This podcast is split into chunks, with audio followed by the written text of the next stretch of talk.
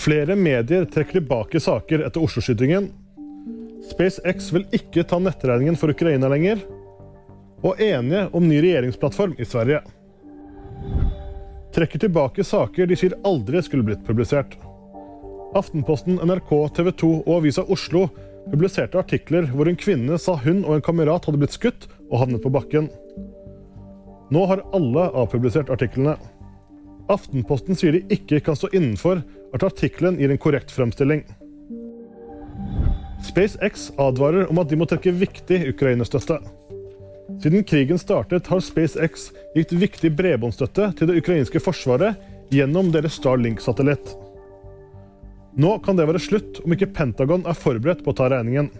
SpaceX advarer om at støtten vil stoppe om ikke det amerikanske forsvaret selv bidrar med å betale titalls millioner dollar i måneden. Det melder CNN. Enige om å danne en ny trepartiregjering i Sverige. Moderaterne, Liberalerne og Kristendemokraterne er partiene som danner den nye regjeringen. VG nyheter fikk det av meg, Thomas Bløndal.